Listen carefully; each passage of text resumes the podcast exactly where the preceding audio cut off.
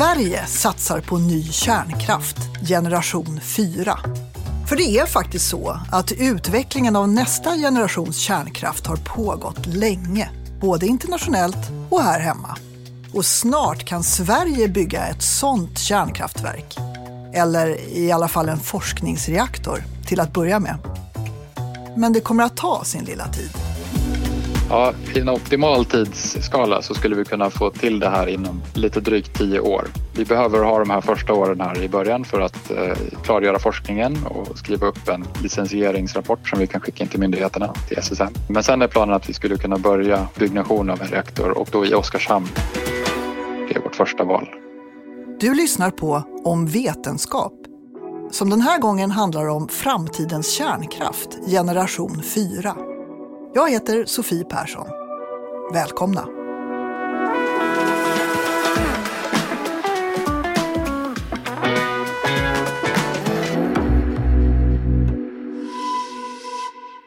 Ja, Sverige ska alltså bygga en ny forskningsreaktor. Det är målet för professor Per Olsson vid Kungliga Tekniska högskolan i Stockholm.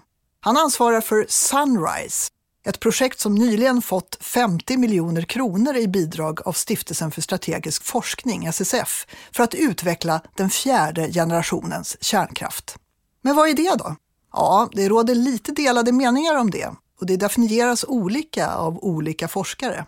Enligt det internationella samverkansprojektet Generation 4 International Forum, GIF, så är ambitionen att förbättra kärnsäkerheten och skyddet mot spridning av kärnvapenteknik, minimera mängden radioaktivt avfall, minska förbrukningen av naturresurser och sänka kostnaden för att bygga och driva anläggningar. Alltså fjärde generationens kärnkraft, det är ett kärnkraftsystem som man eh, säger att det är en sluten kärnkraftscykel. Det innebär att man bränner upp mycket mer av energiinnehållet i bränslet än i en vanlig lättvattenreaktor som är den vanliga generation 2 och 3 som vi har idag. Så man får alltså ett kärnavfall då som har mycket kortare eh, livslängd. Istället för 100 000 år så kommer man ner i några hundra år eller kanske tusen år. Och det är för att man bränner bort alla de här högre isotoperna ovanför uran alla grundämnen som är efter uran i periodiska systemet och det man får kvar som restavfall är bara fissionsprodukter, alltså klyvningsprodukter. Så det betyder att man har kortare livstid på eh, avfallet. Man har samtidigt mycket högre eh, uttag av energi ur det faktiska bränslet. Så ungefär 100 gånger mer kan man få ut eftersom man, man använder nästan 100 procent istället för att bara använda 0,7 procent som en vanlig kärnreaktor gör idag. Man kan förbruka det eh, uran som vi redan har grävt upp vi har jättemycket uran som är utarmat som står i lager runt omkring i världen och som då inte går att köra i en vanlig reaktor eftersom man har tagit ut den fissila isotopen uran-235.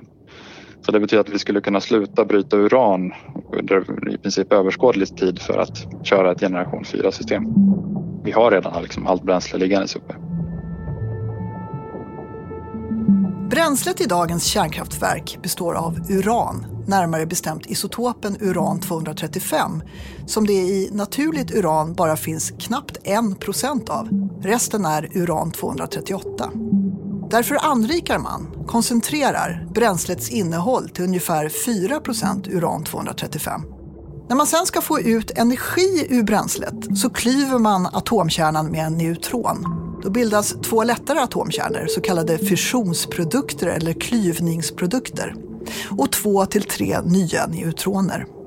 Då frigörs också stora mängder energi som värmer upp vatten.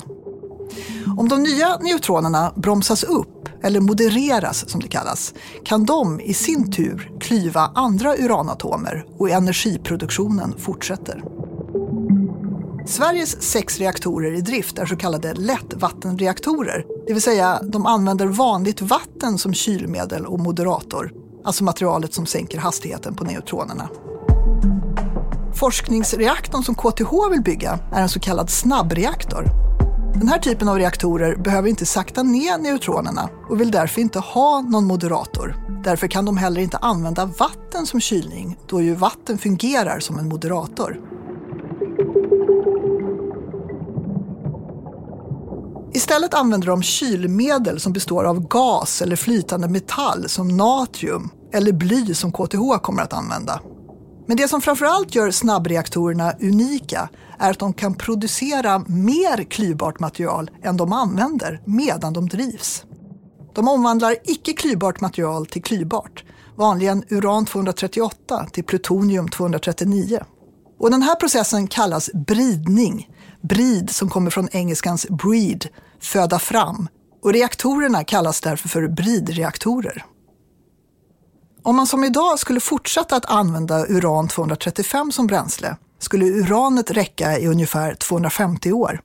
Med bridtekniken, där man istället använder sig av uran-238, kan det räcka i ungefär 25 000 år. Och man skulle kunna återanvända gammalt kärnbränsle istället för att bryta ny uran. Ingen uranbrytning skulle behövas på hundratals till tusentals år. Men för att generation 4 kärnkraft ska fungera behövs tre delar. Man måste ha en reaktor av typen generation 4. Man måste kunna upparbeta kärnavfall och göra nytt bränsle av de ämnena som passar för det. Precis. I Sunrise så satsar vi på själva reaktorbiten. Det hade varit jätteintressant att satsa på alltihop men 50 miljoner kronor är en begränsad mängd pengar och det fanns inte utrymme att göra en, en riktig satsning på både reaktorn och på upparbetningssystemen där. Men man måste börja någonstans så vi satsade på reaktorn i vårt projekt. Och eh, Sunrise-projektet är vår, liksom, det första steget i en trestegsraket mot att bygga en sån reaktor. Så de tre stegen skulle vara att vi utför den forskning och utveckling som behövs för att kvalificera en forskningsreaktor. Visa myndigheter och eh, samhälle att eh, det går att göra det, det går att göra det säkert, det går att göra det intressant, går att göra det bra och inom liksom en rimlig tidshorisont. Det andra steget i den här raketen det skulle vara att bygga en, en prototyp då, som är eluppvärmd där man liksom kan bygga i princip den faktiska reaktorn men det, det, är ingen kärnteknisk anläggning utan det är bara en kvalifikationsanläggning.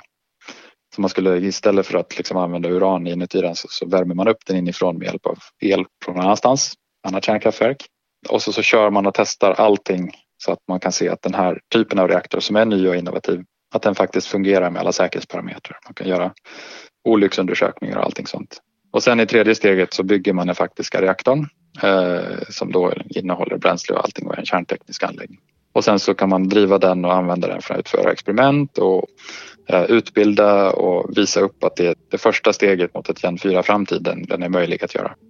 Och Sunrise är som sagt första steget i det här, att utföra den här sista mängden forskning och utveckling som behövs för att kvalificera en sån reaktor. Den här eh, forskningsreaktorn är ju förstås ännu lite mindre än vad man kanske skulle ha för en kommersiell elproducerande reaktor. Men forskningsreaktorn pratar vi om någonstans på 70 megawatt eller så.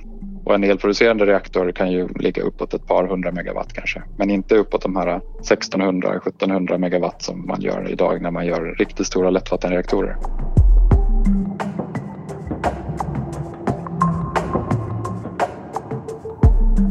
Kärnavfall klassas i tre nivåer efter hur lång tid det tar för materialet att bli ofarligt till dess att strålningen klingar av. Lågaktivt avfall, som skyddskläder eller sopor från kärnkraft, industri och sjukhus, kräver inte några större säkerhetsåtgärder och strålningen är borta inom 20 till 40 år. Medelaktivt avfall har högre strålningsnivå och förvaras därför i SFR, slutförvaret för kortlivat avfall i Forsmark.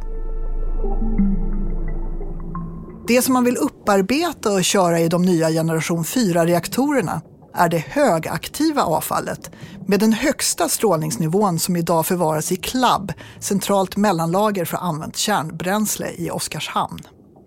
Men det kan bli lite komplicerat att använda det avfallet. SKB, Svensk kärnbränslehantering, som ansvarar för slutförvaringen, vill lägga det mest radioaktiva avfallet i kopparkapslar och omsluta dem med bentonitlera 500 meter ner i urberget, troligtvis i Forsmark. 19 miljarder finns fonderade för att bygga anläggningen och Östhammars kommun har redan sagt ja. Beslutet ligger nu hos regeringen. Om de säger ja kan anläggningen vara redo för att ta emot avfall max 10 år senare. Men hur påverkar det i så fall generation 4 som vill använda det avfallet som SKB vill begrava? Christian Ekberg är professor i industriell materialåtervinning och kärnkemi på Chalmers och har bra koll på hur det hela är tänkt att fungera. När jag började som doktorand i början på 90-talet så pratade man om att man skulle gräva ner det på ett sätt så att det skulle vara i princip omöjligt att ta tillbaka det som en säkerhetsåtgärd. Då. Men nu har man istället sagt att man ska gräva ner det och så ska man kunna plocka upp det igen med en teknik motsvarande vår eller bättre. Och skulle man lyckas med processen att upparbeta gammalt avfall så finns det att ta av. I Sverige finns idag ungefär 7000 ton högaktivt använt kärnbränsle som utan upparbetning måste lagras i minst 100 000 år.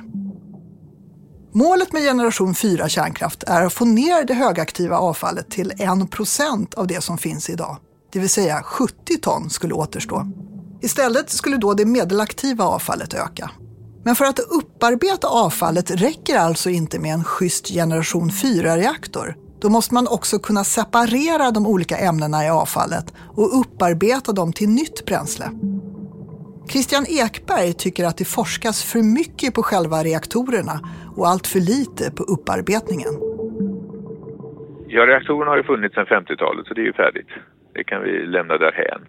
Separationerna utav bara plutonium har man ju kört kommersiellt sedan ja, 40-talet, 50-talet så det är också relativt välkänt och industriellt. Den svåra biten är att extrahera ut alla de klyvbara ämnena på ett sätt som inte ökar spridningen av radioaktivt material och sen tillverka ett bra bränsle av detta. Där är vi inte ännu. Christian Ekberg menar att man inte kan prata om den fjärde generationens kärnkraft om inte alla tre delar fungerar. Reaktorn, upparbetningen av avfallet och tillverkning av nytt bränsle från det gamla. För att de måste ingå i ett system där vi plockar ut bränslet ur en reaktor. Vi löser upp det vi separerar ut det som vi ska göra nytt bränsle av. Vi tillverkar nytt bränsle och så stoppar vi in det i reaktorn igen. Och där klyver vi det ett tag och så ut ur reaktorn, löser upp det, separerar ut det vi vill ha, gör nytt bränsle och så snurrar vi den här loopen hela tiden. Och visst, reaktorn är viktig men den är inte viktigare än någonting annat i den här loopen. Upplösningen är lika viktig som separationen, som bränsletillverkningen, som reaktorn. Plockar du bort en av de här bitarna så fallerar hela systemet. Okej, och hur gör man det? Det vanligaste sättet är att man helt enkelt löser upp det i salpetersyra och sen separerar man de ämnena man vill ha med någonting som heter vätskeextraktion. Och sen fäller man ut det som en oxalat eller oxid och så gör man, pressar man bränslekutsar av det sen.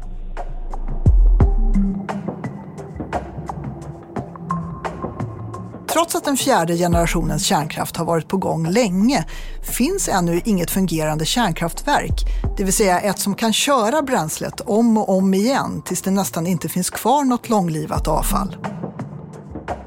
Janne Wallenius är professor i kärnenergiteknik på Kungliga Tekniska högskolan. Ja, det, det är sedan ungefär eh, sekelskiftet.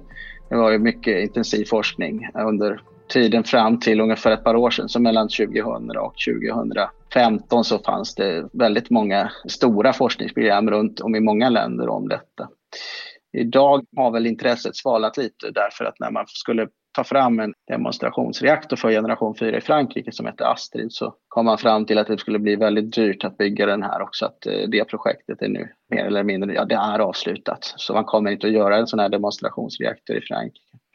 Däremot så fortsätter man arbetet i Ryssland. Så i Ryssland så finns det ett välfinansierat program för att i slutändan visa att man kan sluta bränslecykeln och återvinna högaktiva långlivade kärnavfallet. Är det en forskningsreaktor eller är det en, en kommersiell? Det är någonstans som ligger mittemellan. Det vi kallar det för demonstrationsreaktor. Så att, eh, den ska visa att allting funkar. Så huvudsyftet är att producera el. Elen kommer dock att bli mycket dyrare än, än elen från ett vanligt kärnkraftverk. Så den är inte kommersiellt konkurrenskraftig än som det ser ut nu. Därför att återvinningen av plutonium och ännu mer så återvinning av americium är väldigt kostsamt och dyrt. Så det är, det är dyrare att eh, tillverka ett bränsle från återvunnet kärnavfall än att eh, anrika uran. Men det finns faktiskt redan idag teknik som körs med upparbetat bränsle.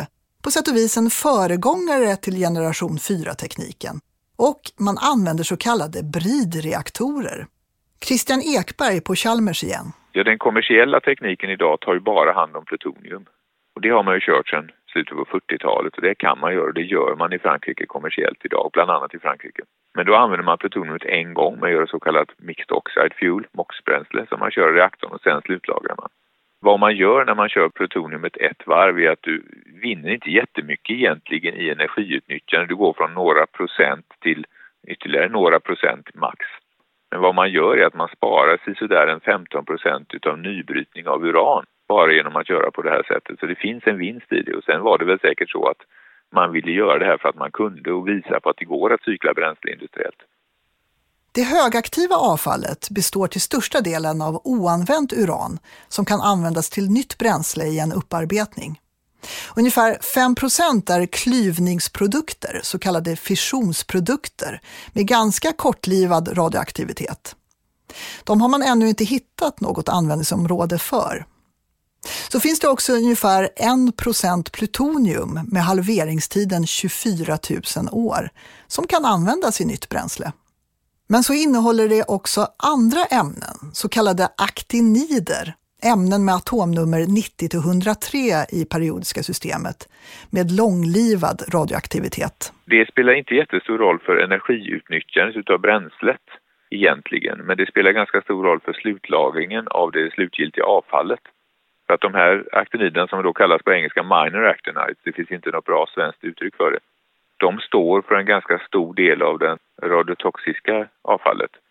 Så att ju mera vi har kvar av de här små aktiniderna eller minor actinides, desto längre måste vi lagra avfallet innan det är ofarligt. En av de värsta aktiniderna är ämnet americium.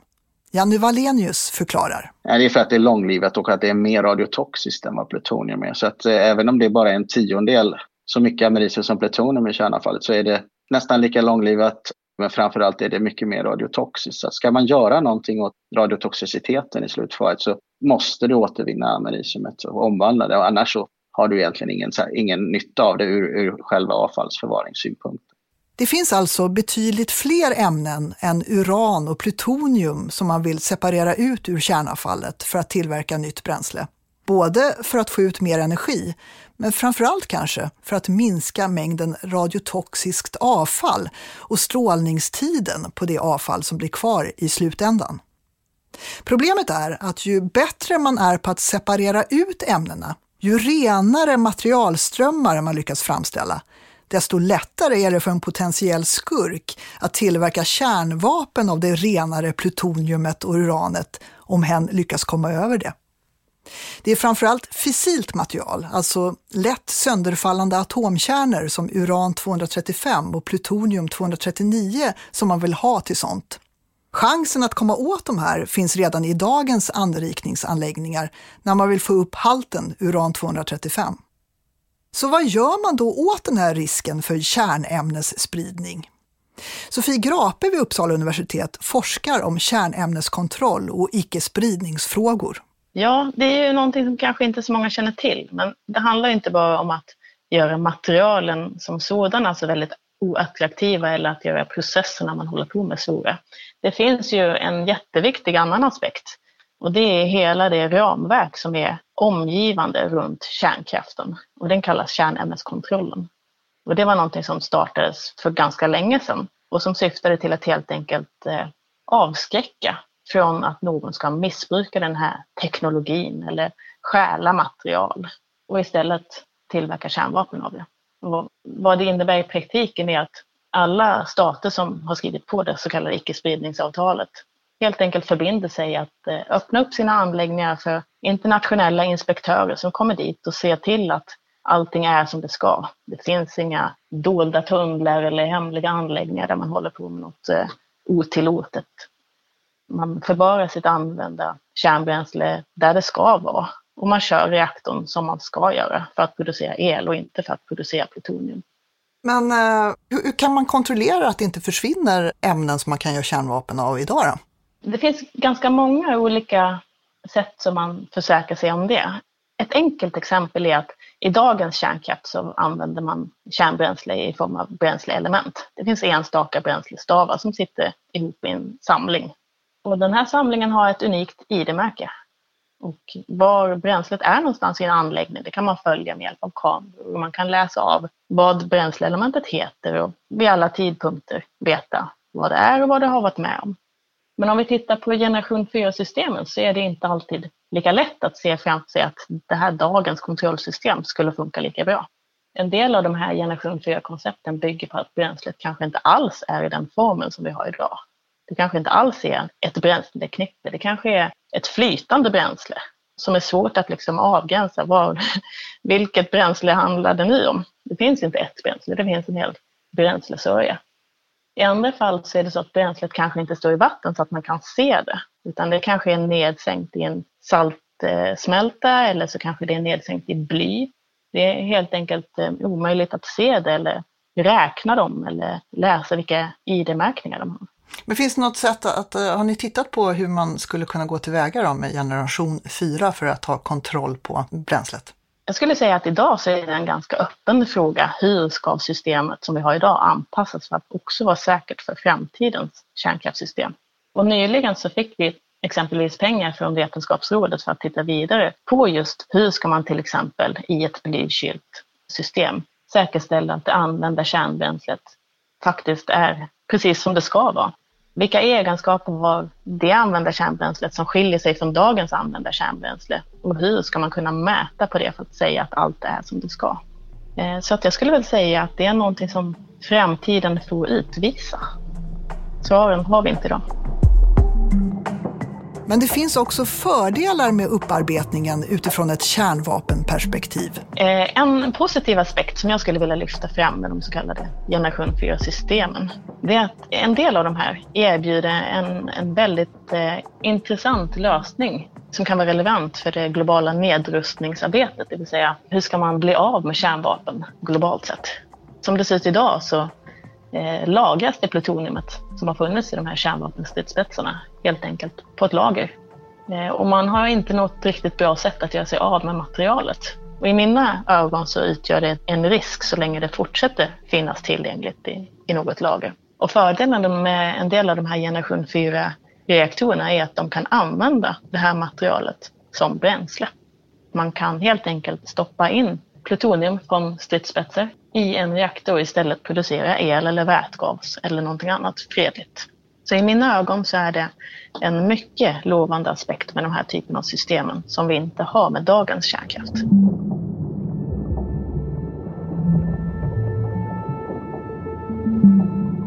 Ett sätt att minska risken för kärnvapentillverkning vid upparbetningen är att göra ämnena plutonium och uran oattraktiva för just det här.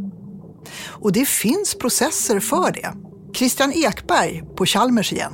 De processerna vi utvecklar nu, inte bara här på Chalmers utan även på andra ställen, där extraherar man alla aktiniterna tillsammans.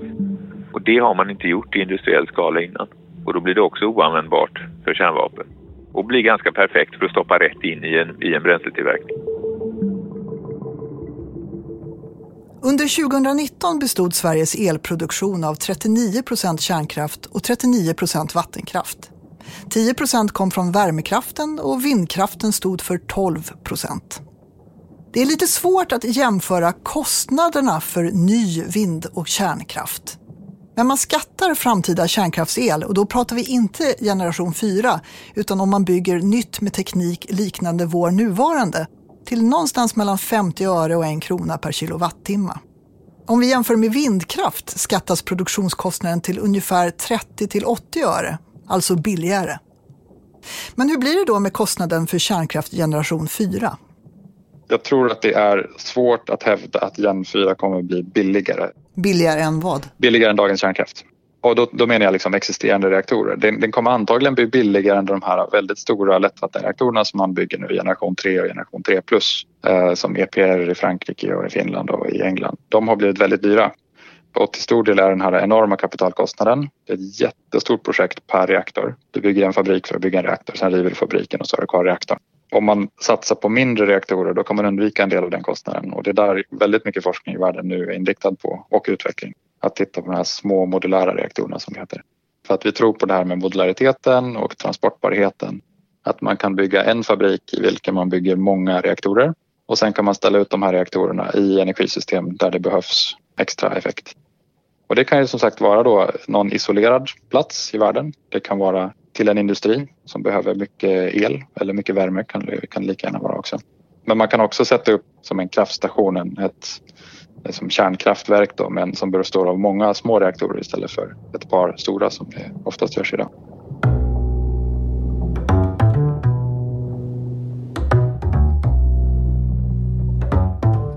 Så hur var det nu då med kriterierna för generation 4? Kostnaden för att bygga och driva sådana anläggningar skulle minska. Kärnsäkerheten skulle förbättras och även skyddet mot spridning av kärnvapenteknik.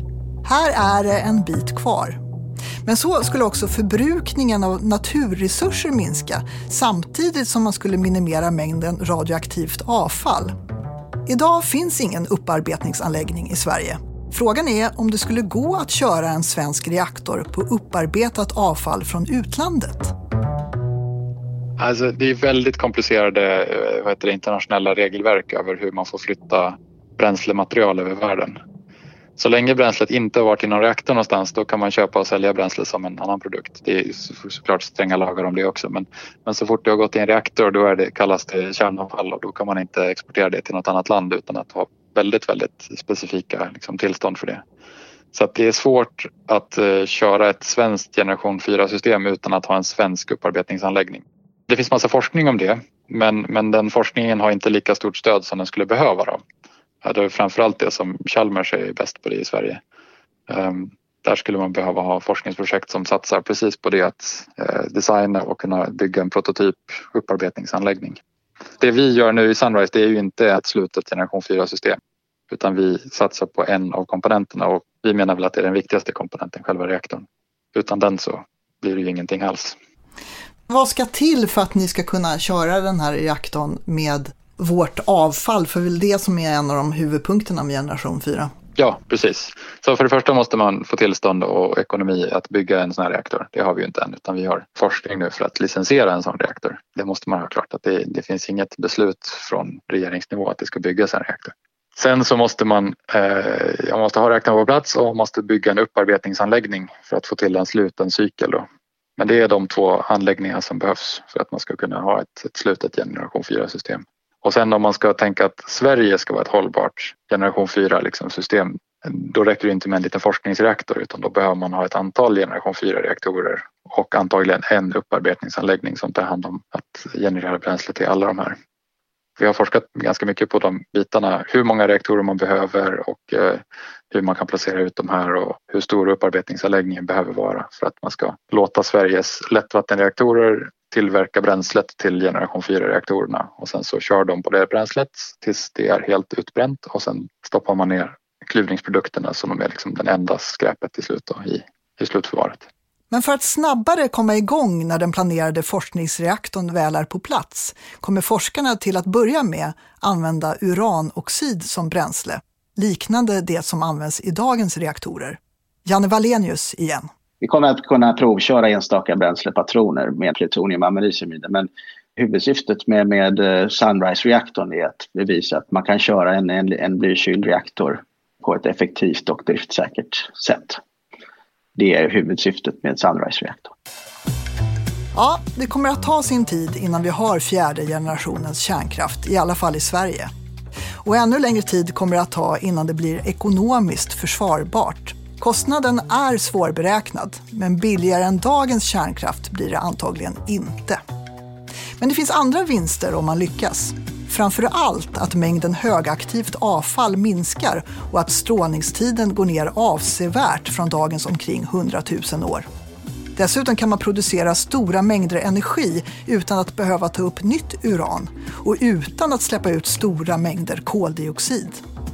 Men upparbetningen är fortfarande inte färdigutvecklad. Och för att det hela ska lyckas måste utvecklingen också vara politiskt accepterad. Men snart kan vi kanske i alla fall ha en första blykyld forskningsreaktor i Sverige. Det återstår att se vad det i sin tur kommer att leda till. Om vetenskap är slut för den här gången. Medverkade gjorde Christian Ekberg, professor på Chalmers i Göteborg Per Olsson, professor vid Kungliga Tekniska Högskolan i Stockholm, Sofie Grape, universitetslektor vid Uppsala universitet och Janne Wallenius, professor vid Kungliga Tekniska Högskolan. Jag heter Sofie Persson.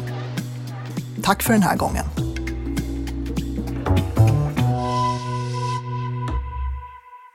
Om vetenskap produceras av Filt för den oberoende stiftelsen för strategisk forskning.